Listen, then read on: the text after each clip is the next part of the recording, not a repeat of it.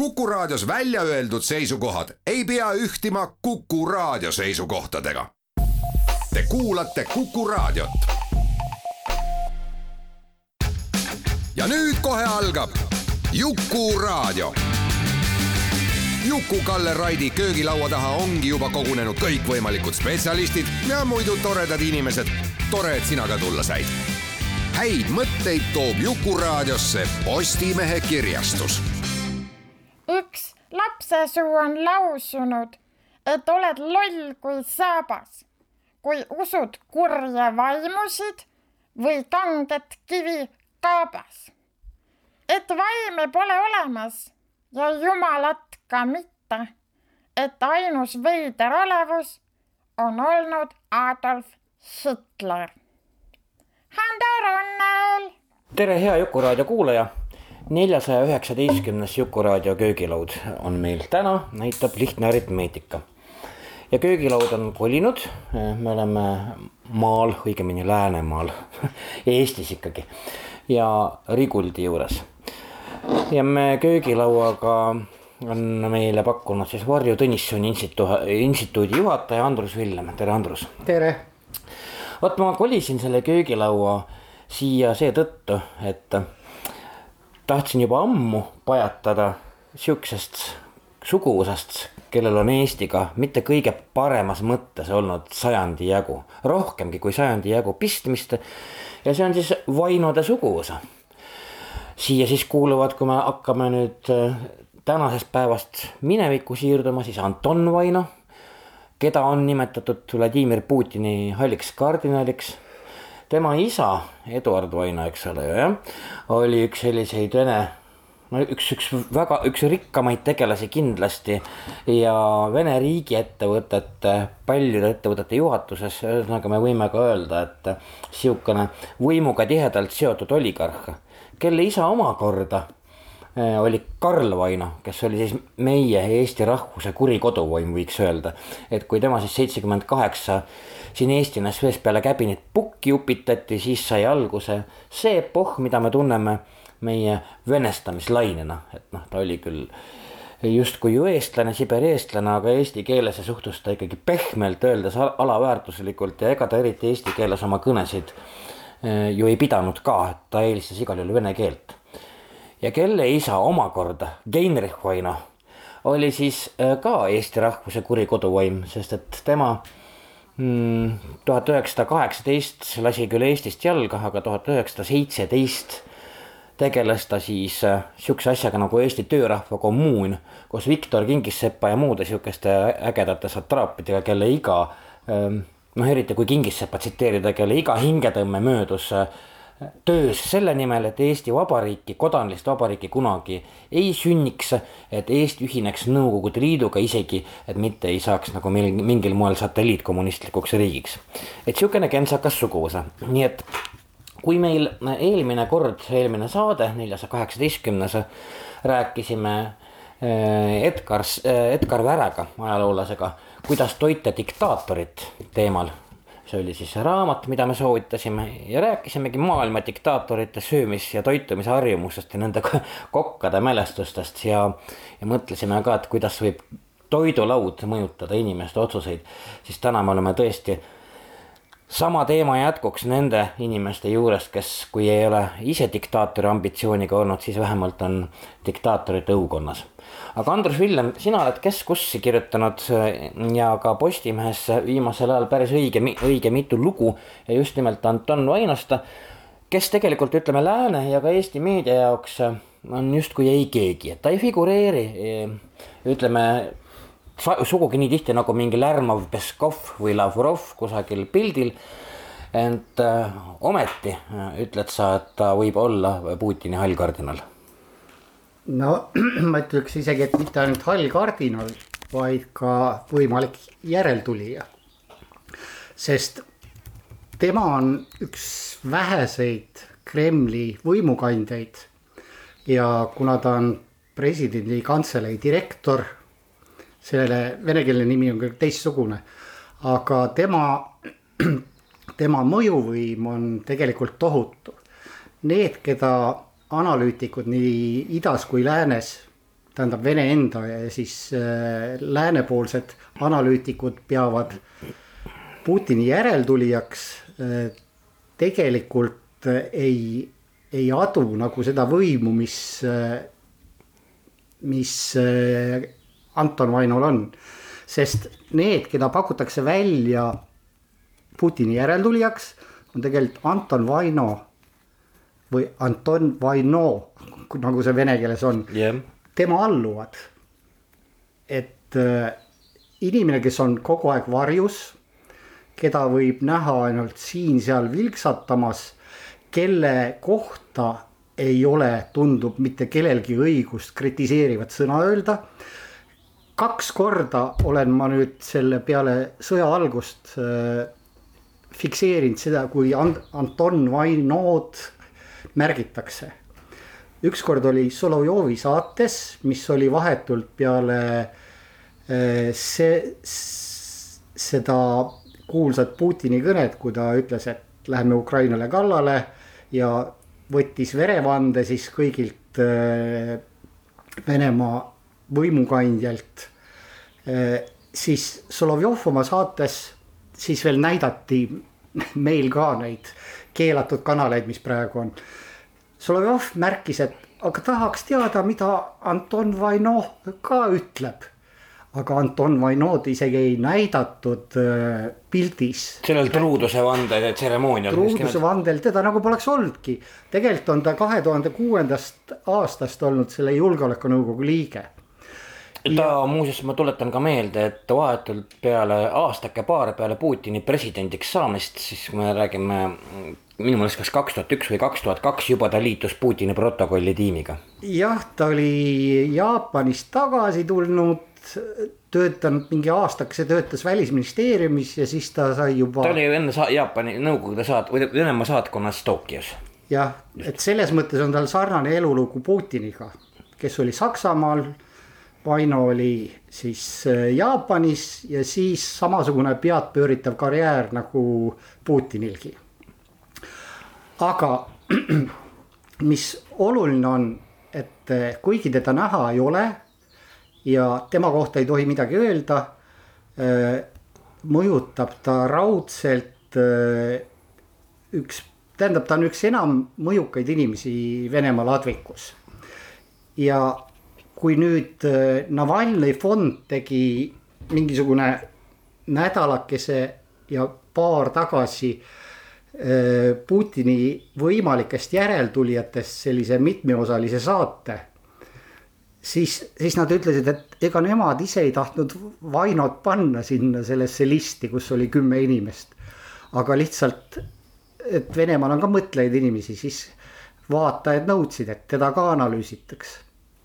no ja lääne analüütikutest see on täiesti aru saada, et äh, see on niivõrd teine mõttestiil, ma lihtsalt tuletan meelde, kuivõrd, kuivõrd puusse panid sellised väga tunnustatud noh, niisugused Nõukogude Liidu spetsialistid Nõukogude Liidu lagunemise ajal kuivõrd puusse nad panid Jeltsini ajal ja kuivõrd puusse nad panid ka Putini kerkimise ajal, sest et ma lihtsalt mäletan küllaltki mõjukaid ajakirjanikke, kes siis äh, olid küllaltki rõõmsad, et, et selle ütleme kargeleva paksu joodiku oligi Jeltsini asemel tuleb ohoo, siukene noorem vend, eks ju, nahktagi seljas, kuulab rokkmuusikat, noh, et järelikult läheb Venemaal kõik paremuse poole, nägemata siis täiesti elementaarset elementaarset asja, et tegelane pärineb lihtsalt KGB-st konkreetselt ja see ei ennusta mitte eh, midagi head. Putin ise võeti ka väga ootamatult tagataskust. ei, see ei olnud midagi nii väga tagataskust. no selles mõttes, et see ettevalmistus. ettevalmistamine käis mitu aastat käis küll, aga, aga siiski jah, nagu sa ütlesid, peadpööritava karjäär oli, oli siiski olemas, et kui ta noh, Piiterist ikkagi Moskvasse toodi, siis eh, inimesed, kes toona temaga suhtlesid, et ta oli jah, siukene hall hiirekene pigem. no üheksakümne üheksandal aastal, kui veel keegi midagi ei teadnud Putinist Eestis nagu ei teatud üldse? üldse mitte midagi, siis ma kirjutasin artikli, et Venemaal on võimalik kolmelaadne areng. ühte esindab Putin kui KGB eh, võimule tulekut, mis oli tegelikult minu arvates juba Andropovi planeeritud. see on muidugi pikem teooria Jah, jah, mhm. aga aga siis teine variant oli Nemtsov, mis oleks tõesti arvatavasti viinud Venemaa euroopalikule teele. Ja siis selline tehnokraatide kandidaat Tšubais, kes siiamaani millegipärast figureeris Venemaa ladvikus ja, ja Putin sai ja kõik on läinud oma loogilist rada, sest KGB on kogu selle aja üheksakümnendate algusest või isegi kaheksakümnendatest juba juhtinud neid protsesse. Seda võib nimetada vandenõuteooriaks, aga nii see lihtsalt on ja nüüd hiljem siis on mitmeid raamatuid kirjutatud sellest. aga ette ei osanud seda keegi arvata ja, ja kui me nüüd Ant-, Antoni võtame, kellest meil nagu põhiliselt täna jutt on, siis tema lõpetas äh, MGIMO see on siis Moskva võõrsuhete instituut. no see on rahvusvahelised, rahvusvaheliste suhete instituudi ametliku nimega, jah, just nimelt. ja, ja see on ka muuseas üks KGB taimelaul. on. nii et kui, kui ta. see varustas muuseas äh, äh sama, sama instituut, mis varustas nii nõukogude ajal kui ka Vene ajal siis äh, saatkondasid diplomaatidega, aga ärgem unustagem ka teiste sekretäridega, mis oli alati julgeolekukontrolli pärusmaa. nii et selles suhtes äh, Vainol oli isegi kõvem taust kui äh, Putinil, kes lihtsalt Leningradi ülikooli lõpetas.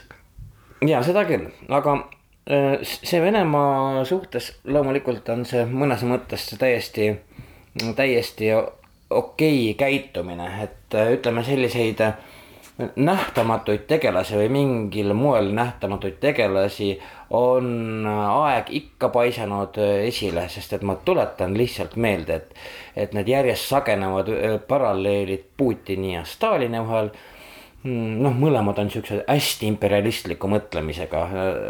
ütleme, kes ei hooli ei ühestki rahvast, kaasa arvatud omaenda rahvas. Hmm, üldse in, inimelust. üldse inimelust ei hooli, et, et see, see paralleel on Stalin, kes lõpuks oli nii, et, et kui Stalini hmm, kaasaegseid ju teatavasti, kui Stalin ei olnud veel ladvikus, kirjutati Stalini kohta ma mäletan ju väga täpselt, et ka Trotski ja, ja muu sihuke kaader, et keskpärasus. mitte silmapaistev keskpärasus. ja nagu me Venemaal teame, et kaadrid otsustavad kõik, siis äh, just nimelt Stalin töötas siis Lenini juures midagi, millegi sellisena, kes siis kontrollis, keda siis Moskvasse tegelikult lastakse ja kui kõrgele keda kupitatakse. personalijuhina. personalijuhina just nimelt, et see on seesama asi. ja ta, tema panigi paika, kellega ta tulevikus tööd teeb. just. edasi töötab. oma mehed, ühesõnaga oma meeste toomine. sama teeb Vaino praegu mm. -hmm. et seda ei ole küll näha, aga kui need äh, nii-öelda pakutavad järeltulijad on tegelikult äh, Putini poolt eemale tõstetud, siis äh, Vaino vaikne tegutsemine võib olla hoopis tulemuslikum. ja noh, hiromandid me ei ole, aga Karl Vaino selline ütleme jätkuv koht Putini kõrval paneb mõtlema, sest me nüüd tuletame meelde, et kui me vaatame viimaste aastate sündmusi, isegi viimase jah, paarikümne aasta sündmusi, mil Putin siis Vaino oma meeskonda kaasas, siis äh, neid äh, inimesi vahetatakse seal ikka õige sageli no seal on mingid raudpersed, kes on alles jäetud, Lavrov ja nii, aga hästi suur osa on ammu-ammu korduvalt välja vahetatud, äh, saadetud perifeeriasse, äh, jäetud ilma hüvedest. osad on sattunud vanglasse ja nii edasi, nii edasi, aga Vaino tiksub nagu väike käokell edasi. mitte ainult ei tiksu, vaid ta on kuus pool aastat olnud selle koha peal, mis ta praegu on ja enne seda oli ta ka juba tähtsate ametikohtade peal, et tema taust on nii tugev, et, et mispärast venelased sellest ise aru ei saa. rääkimata Vene analüütikust, analüütikutest, see on täiesti arusaamatu. no Anton Vaino, kes on sündinud seitsmekümne teisel aastal et ei ole ju siis sugugi vana inimene, vaid just on saanud viiskümmend, eks et, et või saab vist kohe? ei, äh, ta sai viiskümmend veebruaris, kaks nädalat enne Venemaa sissetungi Ukrainasse ja nädal aega enne seda suri Tema- tema vanaisa vana-, vanaisa Karl ära. Nii et tal on olnud kolm tähtsat sündmust sellel aastal Et ja kõik on veebruarikuus. Venemaale nii meelepärane erioperatsioon hakkas, eks ole ju, ja siis jah, tema, tema sai viiskümmend, millega ta siis võis seda tähistada selle erioperatsiooni algusega. ta on muuseas sündinud Tallinnas just, aga mi-, me ütleme, milline, milline oli tema huvitav harid-, haridustee ja, ja elamine Tallinnas ka täiesti teadmatu, mina näiteks ei tea sellest mõmmigi. ma tean, kes seda teab, no ma ei ole uurinud. Karl-Martin Sinijärv oli lapsepõlves ta mängukaaslane Keila Joav, no nii et sa hea võid kutsuda järgmisse Äge. saatesse Karl-Mart. Karl Martin, sa oled äh, sunnitud tulema köögilauda ja rääkima, mis mänge te mängisite Putini, Putini mm, selle protokolli ülema Anton Vainoga. et see on igal juhul põnev. jah, et mm, ta on osalenud ka kõikvõimalike Vene impeeriumi jaoks hästi oluliste sündmuste ettevalmistamisel suure isamaasõja kuuekümne, kuuekümnes aastapäev, eks ole, ma ei tea, G kaheksa riigipeade kohtumine Peterburis ja nii edasi, nii edasi. selles mõttes, et kõik, mis puudutab Venemaa sellist välissuhtlust, siis on ta, Anton Vaino on kogu aeg selle taustal viibinud. no see ongi, et tegelikult tema rahvusvaheline taust on täiesti umbes samaväärne kui paljude riikide presidentidel. näiteks, kes maailma riigipeades saab äh, uhkustada sellega, et ta käib töövisiidil Hiina presidendi juures. aga Anton Vaino üks väheseid pilte internetis on ongi kusjuures see, kus taksiga poseerib siis. noh, poiss käis lihtsalt naaberriigi, naaberriigi pea juures äh, läbi rääkimas. kui me nüüd Anton Vaino võtame, siis äh, tema isa, kes äh, ka muuseas ikkagi on vägagi Eestiga seotud, Eduard Vaino. samamoodi täiesti elu ja tervise mm, juures ja tema kohta nüüd spekuleeritud, et, et kuna ma siin ploki alguses ütlesin ka, et ta oli Autovaasi asepresident korporatiivse arengu alal ja muuseas ka Autovaasiga seotud, jumal teab, mitmekümne firma juhatuses kogu aeg, et mis tähendab seda, et, et kuulus väga mõjukate inimeste hulka.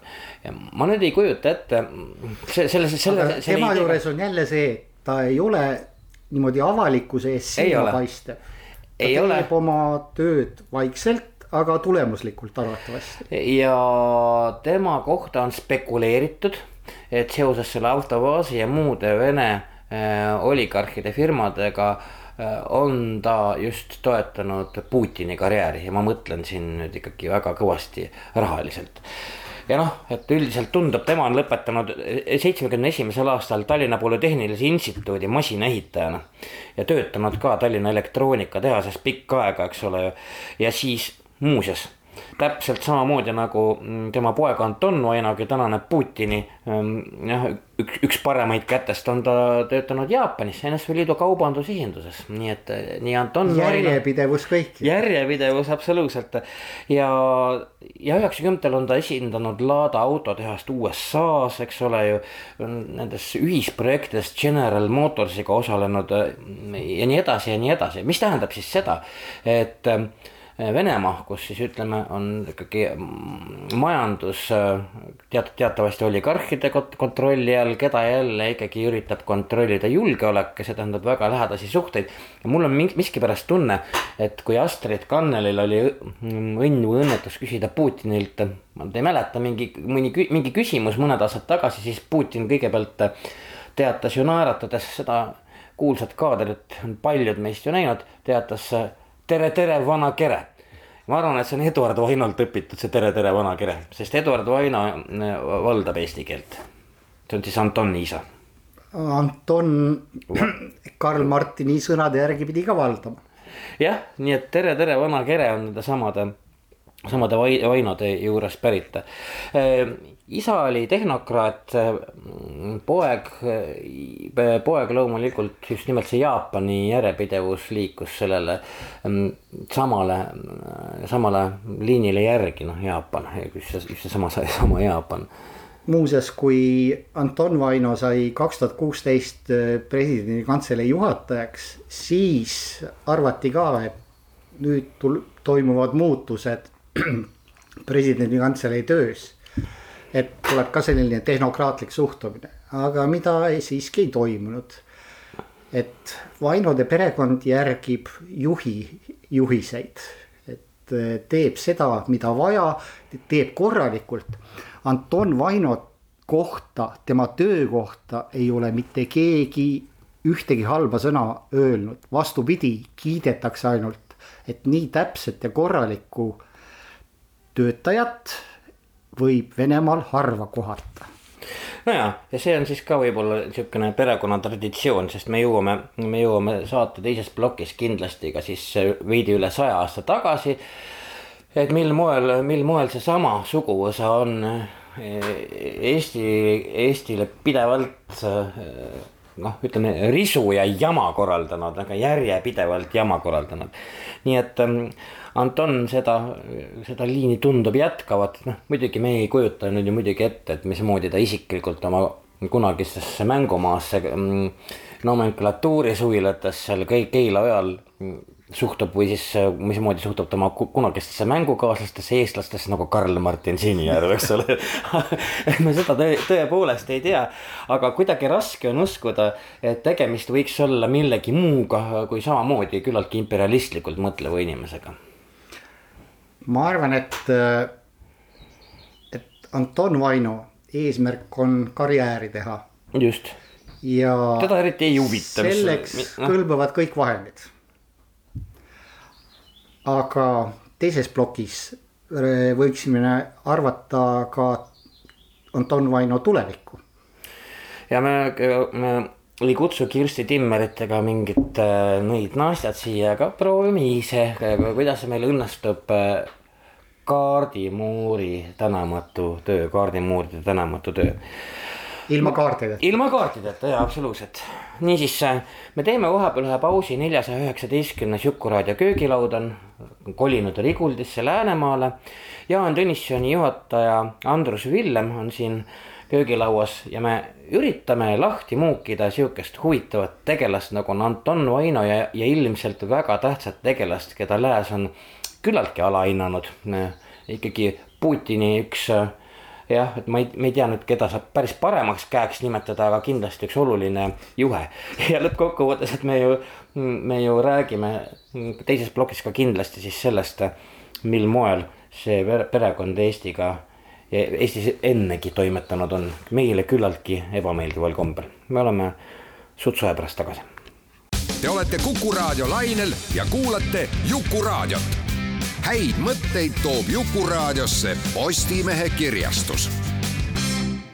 jätkame neljasaja üheksateistkümnendat Jukuraadio saadet.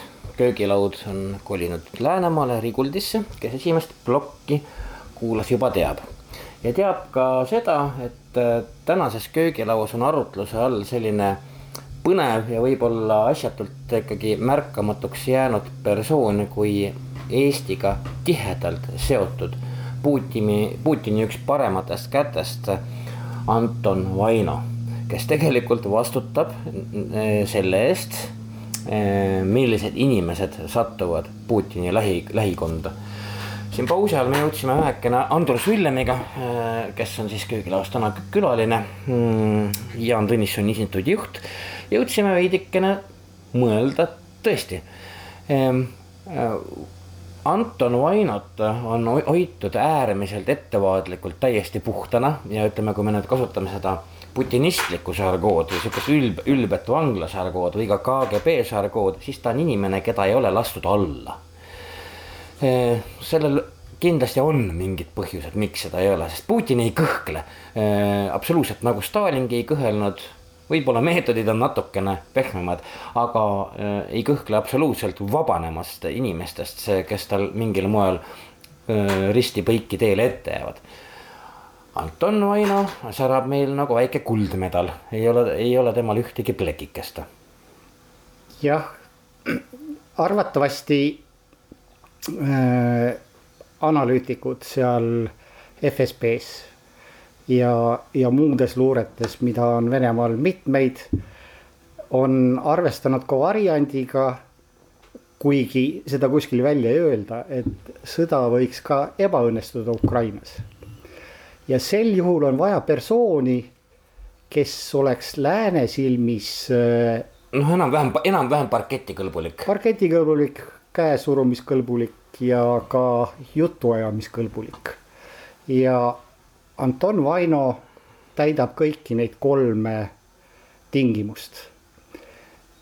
et äh, kuigi arvatakse, et Putin on hull või haige eh,. Need teated vahelduvad õige kiiresti kogu aeg.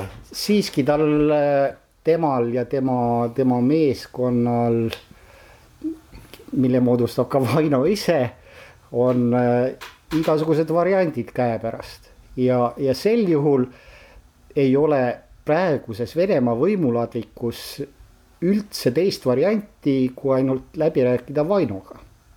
ja võib-olla siis on midagi, millest me üldse ei tea, et noh, et, et me alati peame arvestama selle nii-öelda siis mingi ootamatu hobusega, mis tuppa lastakse kapata. Aga kui Putin tuli, siis ta ei olnud ootamatu no me jõudsime esimeses plokis rääkida, et, et seda, seda asja töötati ikka õige mitu aastat üles. ja, ja, ja, ja praegu on seda Vaino varianti ka tööd, need, kes olid varem öö, presidendi kantselei juhid, need esinesid ka pidevalt avalikkuse ees, aga Vaino ei tee seda kunagi. See tähendab seda, et ta ei ole lausunud kompromiteerivaid Äh, asju. no ta ei ole lausunud mitte ühtegi sõna, mida võiks kunagi kuidagi tõlgendada üleüldse üks, ükskõik kummalt poolt siis, kas siis antud hetkel Vene poliitiliselt poolt või siis ka äh, lääne poolt, mitte noh, täiesti haudavaikus, kaasa arvatud Ukraina sõda. sellepärast me ju teame, me oleme neid telepilte fotosid ja igasuguseid teateid näinud, kus siis üks või teine, kas minister või või poliitiliselt või sõjaliselt oluline tegelane käib aeg-ajalt Putini käest peksa võtmas. noh, sõna otseses mõttes, eks. Vainot me selles seltskonnas näinud ei ole. Äh, kui on, siis kuskil taustal vaikselt jälgimas asja. nii on ja, äh, huvitav on veel, et äh, kui Venemaal muidugi see Vaino, kes on muuseas Venemaal on ta tegelikult ikkagi tuntud, ta on üldiselt no. tuntud, et teda teatakse küllaltki hästi. et ma nüüd ei ütle, et mitte raudteejaama ooteruumi tasandil, et kui sa, kui sa seal lähed pingi peal vedelevate inimeste käest intekat tegema, et kes kes see sihuke on, see Anton Vaino. aga mm, vähegi teadlikumad inimesed äh, on kursis, et see on, see on kindlasti äh, ütleme mingis eristaatuses vend ja ja muidugi võib ju arvata, et, et seal võib valitseda sihuke meeleolu, et, et Anton Vaino ei või olla Putini järglane, kuna ta on eestlane, noh. see, mis rahvusest keegi on, seda me muidu seda on muidugi nüüd raske mingi propagandavankri ette rakendada, sellepärast et. kõik on venelased. kõik, noh, kõik on venelased ja, ja noh, kui me tuletame meelde just nimelt selle äh, vana-vanaisa Karl Genrichovitš Vaino, kes ka ju tegelikult tegi kõik selleks, et äh, hävitada Eesti Vabariik. Eesti Vabariik just nimelt, et, et noh, tegi kõik selleks, et, et lõpp, et seda ei sünniks, sest et see on just, me oleme siis sellel hetkel tuhande üheksasaja seitsmeteistkümnendas aastas, me tuleme selle Genrichi ja Karli juurde kindlasti veel korraks tagasi. siis äh, lõppkokkuvõttes see, et kas ta on eestlane või mitte, ei pruugi ju mängida mingit rolli, eriti kui me võtame selle toreda teooria, et Putin on kas vepslane või karjalane. aga. Putin ise, eks ole ju. jah no Jaak Proosasel on isegi väga huvitav raamat, kas Putin on vepslane. täitsa soovitan seda sirvida, ta peaks olema äh, raamatupoodides ikkagi olemas. aga ma arvan, et Venemaa võimuladvikus on teinud enam-vähem kõik oma geneetilise päritolu uuringu. nii et selles suhtes äh, nad teavad, et, et slaavilikkust on nendes üsna vähe aga Genrichi juurde tagasi minnes, ta põgenes Eestist kaheksateistkümnendal aastal. just. Si- ja siis maabus Siberis, kus sündis siis ka tal Karl, Karl ja ta võttis naiseks, veri on paksem kui vesi, võttis naiseks eestlase Liidia Savi. ja just sihuke tegelane nagu Liidia Savi ja võib-olla siis tõesti sellest see korraks kõrvalepõikena sellest äh, Genrich elik ta on ju Heinrich sünnijärgi siin Eestis, Heinrich, just nimelt. aga temast sai viivitamatult Genrich, siis kui ta Venemaale põ- põgenes. Sündis äh, üheksateistkümnenda sajandi lõpul, ma panin selle kuhugi kirja ka, et, et kus ta meil, kus ta meil on.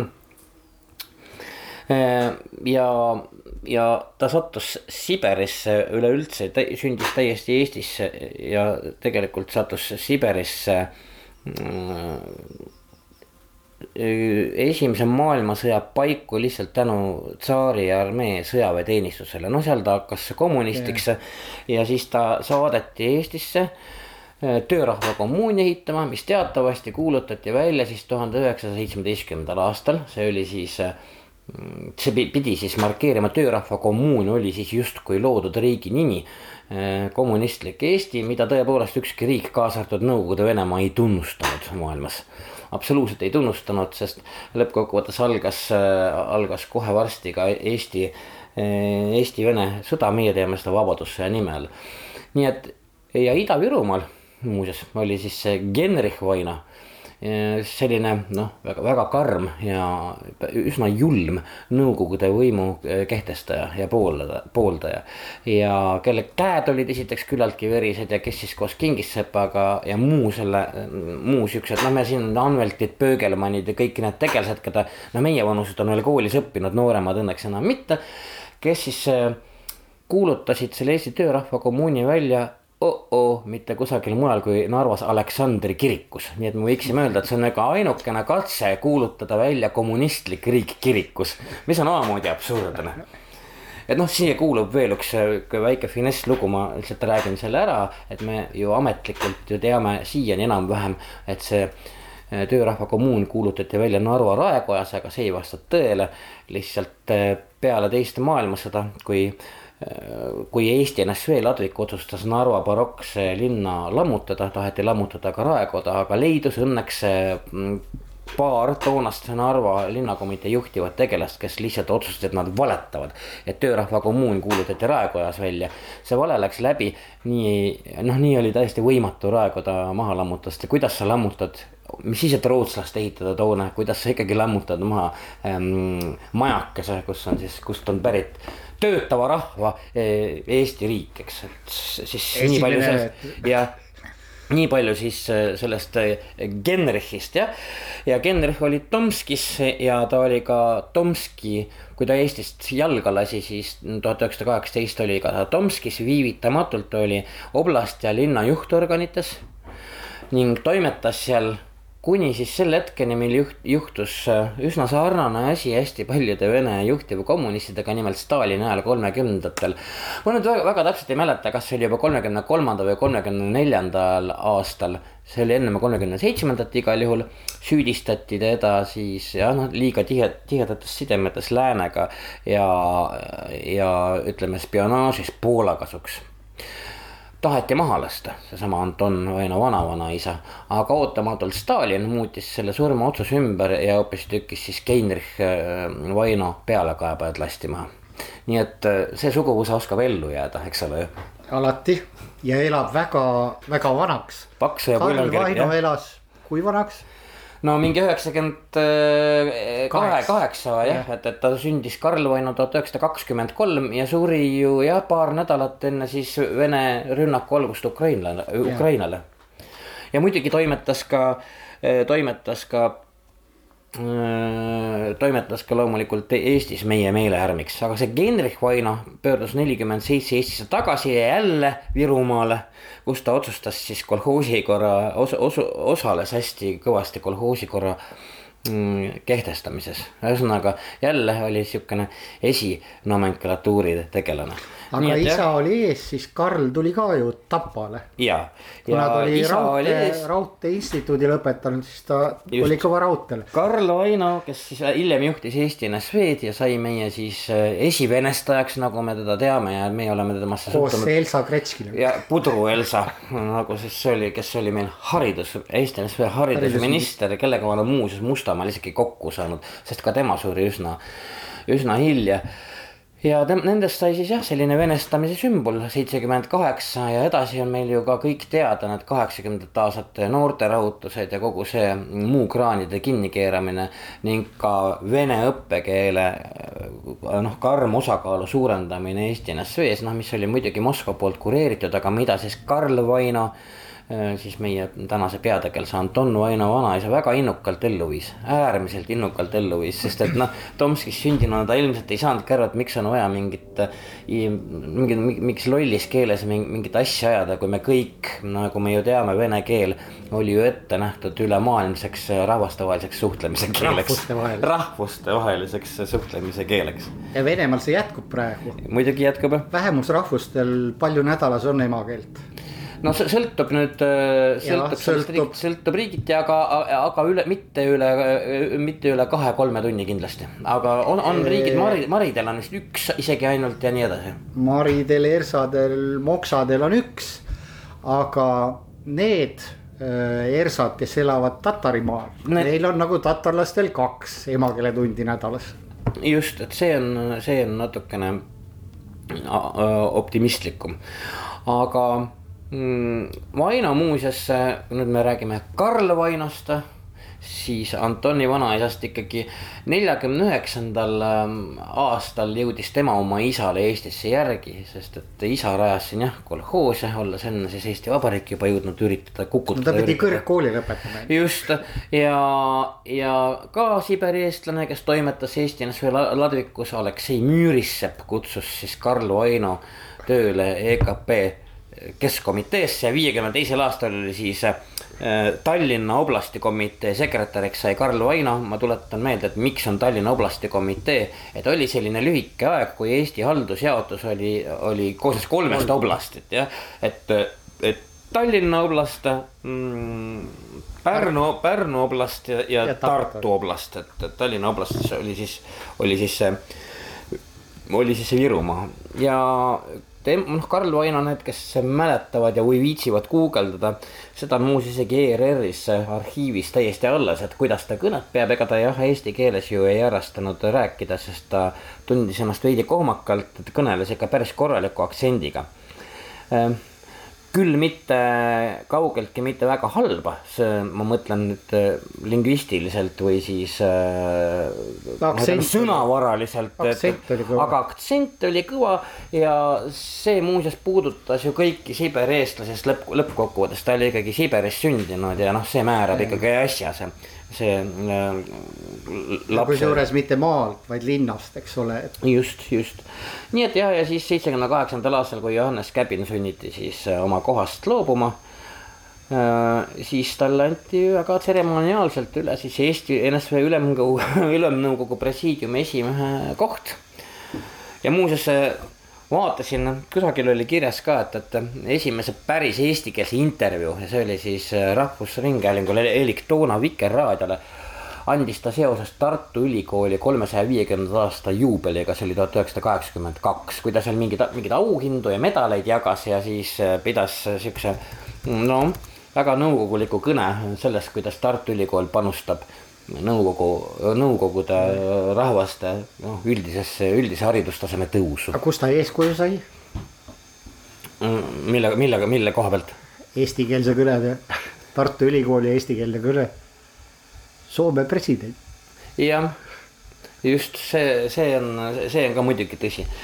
nii, aga Karl Vaino jah, et, et mingil hetkel tema oli see, kes ikkagi täiesti kuni viimase hetkeni oli noh, käte ja jalgadega vastu isegi sellele mõttele, et et Eesti Vabariik võidaks taastada, noh see oli temale muidugi šokk, kui ütleme, meeleolud Nõukogude Liidus nii palju muutusid, et siia tekkis Ladina-Ameerikast keegi kentsakas Vaino väljas, et noh, et, et see näitas ikkagi Vainode suguvõsa jaoks, et kord on käest libisenud. no see oli Putini sõnade järgi kahekümnenda sajandi kõige suurem mis ta ütles, globaalne, ta nimetas seda kuidagi globaalkatastroofiks või midagi siukest. jah, jah, umbes niimoodi.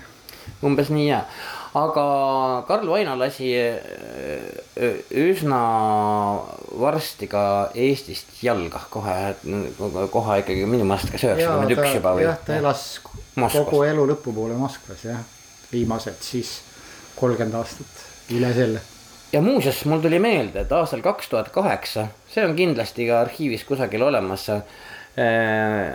intervjueeriti teda Eesti Ekspressi jaoks Moskvas. see oli niisugune lühiintervjuu, telefoniintervjuu, noh, kus ta siis sellise äh, noh avaldas ikkagi kahetsust, et, et Eesti-Vene suhted on nii halvad, et see noh, ei kõlba ka kuhugi. aga et samas rõhutas, et ta on ikkagi Eestiga nii tihedalt seotud ja loodab, et Eestil läheb väga hästi ja noh, ütleme, et jälgib siis pingsalt siinset elu, ütles siis meie esinomenklatuur Karl Vaino peale seda, kui ta oli Moskvasse elama läinud. nüüd on mingil moel me võime ju uskuda, et tema pojapoeg Anton Vaino on ka küllaltki hästi Eestiga kursis. absoluutselt, sest ta on siin käinud. ja ka lihtsalt turistina linna peal käinud. aga kui mina püüdsin Karl Vaino saadi intervjuu, ma püüdsin läbi oma Moskva tutvuste ka Anton Vainole ligi saata ah,. et saaks Anton Vainoga intervjuud teha? mitte midagi, mitte kuskilt, teda ei saa lihtsalt kätte.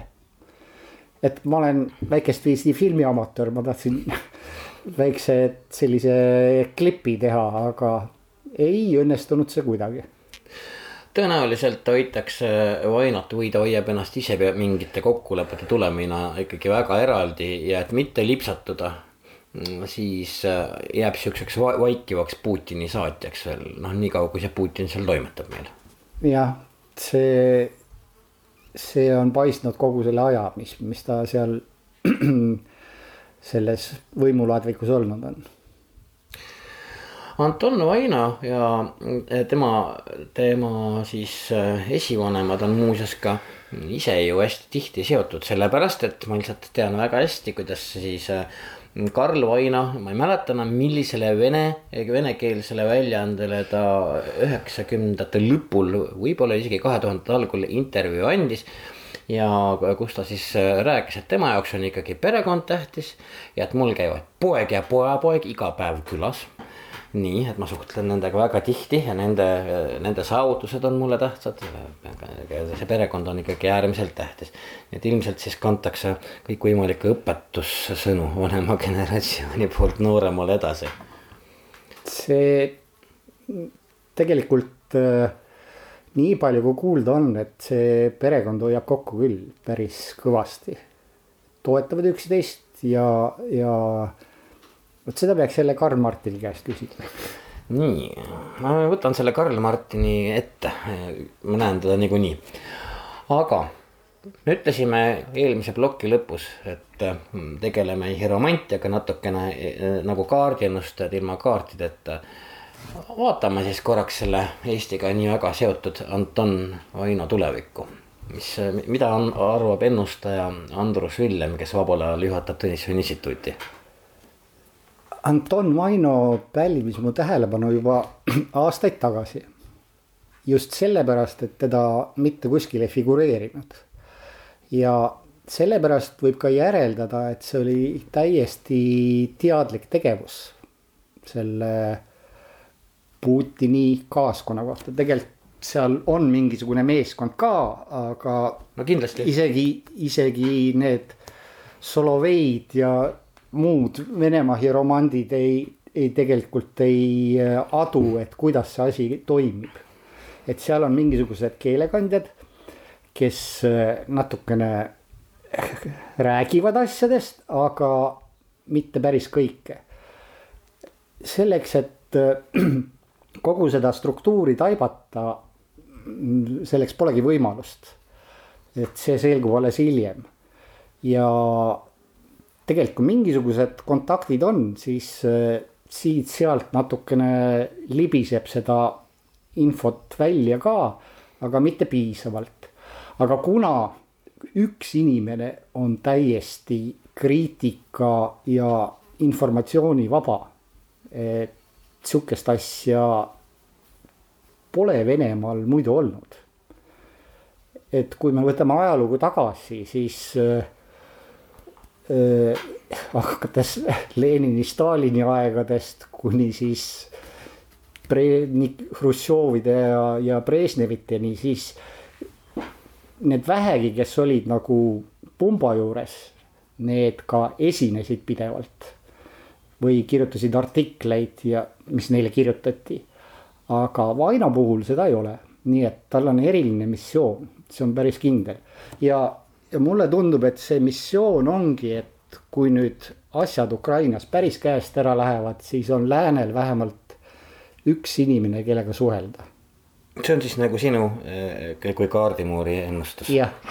et lõpu, et meie mingil hetkel, kui see sõda ikkagi no iga asi saab ju ükskord otsa, nagu ütleb äh, mingi kantrilaulu salm, siis kindlasti saab otsa ka see õudne sõda seal, et, et siis sa arvad, et Vaino võib olla äh, figuuriks, kes seda asja siis äh, ütleme globaalsemalt lahendab. mitte ei lahenda, vaid kes esindab seda lahendamist, sest ega ta üksi ei, ei lahenda. see on fakt jah, muidugi. aga, aga tema on, nagu me enne rääkisime, parketi ja käesurumiskõlbulik? mina muuseas ei julge suurt midagi ennustada, küll aga, äh, küll aga meenub mulle, et, et see on nüüd päris äh, tõsi. et äh, läbi kahekümnenda sajandi Vene ajaloo need inimesed, kes võimule satuvad, tavaliselt tuleb see inimeste jaoks küllaltki ootamatult sellepärast jälle väga õige, õigesti tõid ähm, võimuvõitluse kahekümnendatel välja, et kui Lenin lusikanurka viskas, ta küll hoiatas Stalini eest, Stalin oli piisavalt osav. ent pidevalt sellel ajal, kui Trotski ja Lenin mõlemad lärmasid artiklites, hoidis Stalin kogu aeg moka maas ja ehitas mingit, mingit oma süsteemi üles, eks, nii. nüüd täpselt sama asi oli kõikide Stalini lähikondlastel, äh, lähikondlastega, kui Stalin viiskümmend kolm suri ja siis selline noh, ütleme segaduse hetk tekkis, eks, et äh, kui enamus ilmselt ja noh, ajaloo, ajaloole tuginedes arvas, et võimu haarab Beria, siis vastu oksa. Beriat siis süüdistasid kõik teised sama veriste kätega seltsimehed nagu Hruštšovi käes otsas mõistsid hukka stalinismi ja siis kargas püünele Hruštšov, kes seni oli ka avalikkuse jaoks vaikinud nagu kultrukis. Polnud ka. Ähm, keda arvati totuks. keda arvati natuke totuks ja võib-olla äh, arvati totuks ja, ja võib-olla ühe korra Stalin teda täiesti avalikult mainis ja see oli kolmekümne kaheksandal aastal, kui Stalin pidas omanimelises valimisjaoskonnas kõne. mul on see kõne nimelt olemas, see oli väga haige kõne Stalin ütles enam-vähem midagi sellist, et seltsimehed, tegelikult ma ei tahtnud üldse siia tulla ja kõnet pidada, pidada. aga seltsimees Hruštšov vedas mind siia vägisi ta ütles, et pea üks hea kõne ja siis Stalin targutab, no mida rääkida, et kõik oluline on juba ära öeldud igasuguste vastutat-, vastutavate seltsimeeste poolt, kaasa arvatud kehakultuurikomisjoni seltsimehed vot nii ja kui me nüüd tule, tuleme edasi, siis Brežneviga täpselt sama lugu, et, et kui mm, Hruštšov talle ootamatult ja loomulikult kõikidele Nõukogude Liidu kodanikele ootamatult kukutati siis äh, puhkes õitsele Hruštšov, kes oli ka, kes, äh, kes enne ei kobisenud avalikult mitte midagi. ja me võime tegelikult äh, riburada pidi tulla tänase päevani niimoodi välja küll, kui me võtame selle mudeli aluseks ja, mõtleme, et, et see võib üht koma teist näidata. põimiks siia vahele veel Antropovi. jah. Antropov, kes oli, ma arvan, vist kõige pikemalt Venemaa julgeoleku ülem, tähendab tol ajal N-liidu ega ta ei esinenud kuskil, aga tema valis välja, kes peale Brežnevit saab äh, järgmiseks peasekretäriks. tema üritas putitada Gorbatšovi, kellega olid ka ühe nurga mehed ja vahepeal siis nagu tööõnnetusena sattus sinna see tudisev taat, kes ikka tudises kohe. Tšernenko. Tšernenko, kes tudises neist ikkagi kõige rohkem no ta ise oli lihtsalt nii vana, et ta ei, ei suutnud ja nüüd need Portnikovid ja Ivanovid ja need on ka või vanad. Et äh, tuleb seesama, seesama case, et äh, tuleb võtta üks natuke noorem, kes on süsteemis sees. kes teab väga hästi, kuidas see töötab. kuidas see töötab ja ta ei ole, kümne aasta pärast kohe ära sureb süsteemis on Anton Vaino kindlasti sees ja kui me nüüd jah, võtame selle asjanduse siin meie köögilaua kokku, siis lõppkokkuvõttes on ka tema äh, suguvõsa siis neli põlve olnud pidevalt süsteemis, süsteemis, süsteemis sees. nii et selles mõttes see on nagu juba omaette mm, see, mida siis mujal riikides võib nimetada, nimetada aadelkonnaks, ütleme päritav, äh, äh, mis on siis päritav tiitel. ja aga nad on olnud kõik erinevates äh, asendites, ametites. aga see järjepidevus on jah, et nad oskavad selles äh, autoritaarses süsteemis hakkama saada. Jah, meie muidugi isegi kui see nüüd kõik nii läheb, et Anton Vaino võib olla Putini järglane, siis meie ju ei tea, mismoodi ta käituma hakkab, seda me tõesti ei tea. ei, võib-olla mitte, mitte järglane, vaid kes selle asja ära lahendab. See on isegi kõik... olulisem. Kes lõpetab Ukraina sõja, kes äh, üritab siis neid sanktsioone nagu leevendada, sest praegu on Venemaa ikka täiesti tagumikus. noh, see on, me kõik loodame ja, seda. ja Eduardi, mm, Eduard Vaino, Anton Vaino isa, tema see autotööstus, see läheb täiega nüüd metsa, et äh, ta peab isa ka kaitsma. isa ka kaitsma, just nimelt. kuulge, aitäh teile kõikidele, me spekuleerisime täna Anton Vaina üle, kes on siis Putini üks väga tähtis lähikondlane, tõepoolest Eesti juurtega tegelane. ja rääkisime ka siis veidikene tema suguvõsast ja mismoodi see kõik on Eestiga seotud olnud rohkem kui sada aastat juba. neljasaja üheksateistkümnenda saate köögilauas viibis Andrus Villem, Tõnissoni instituudi juhataja, kes siis jah, aitas meil seda ütleme veidikene meelevaldset muukimist toime panna. aga Andrus, aitäh, et sa köögilaua enda juurde maale kutsusid kõigepealt. jah, meil saab varsti kanatiivad saavad ka valmis. just ja võtke teiegi midagi hamba alla, kallid kuulajad, me oleme neljasaja kahekümnenda saatega täpselt nädala pärast tagasi, olge mõnusad. üks lapsesuu on lausunud et oled loll kui saabas, kui usud kurje vaimusid või kanget kivi kaabas. et vaime pole olemas ja jumalat ka mitte, et ainus veider olevus on olnud Adolf Hitler. Hando Runnel. häid mõtteid toob Jukuraadiosse Postimehe kirjastus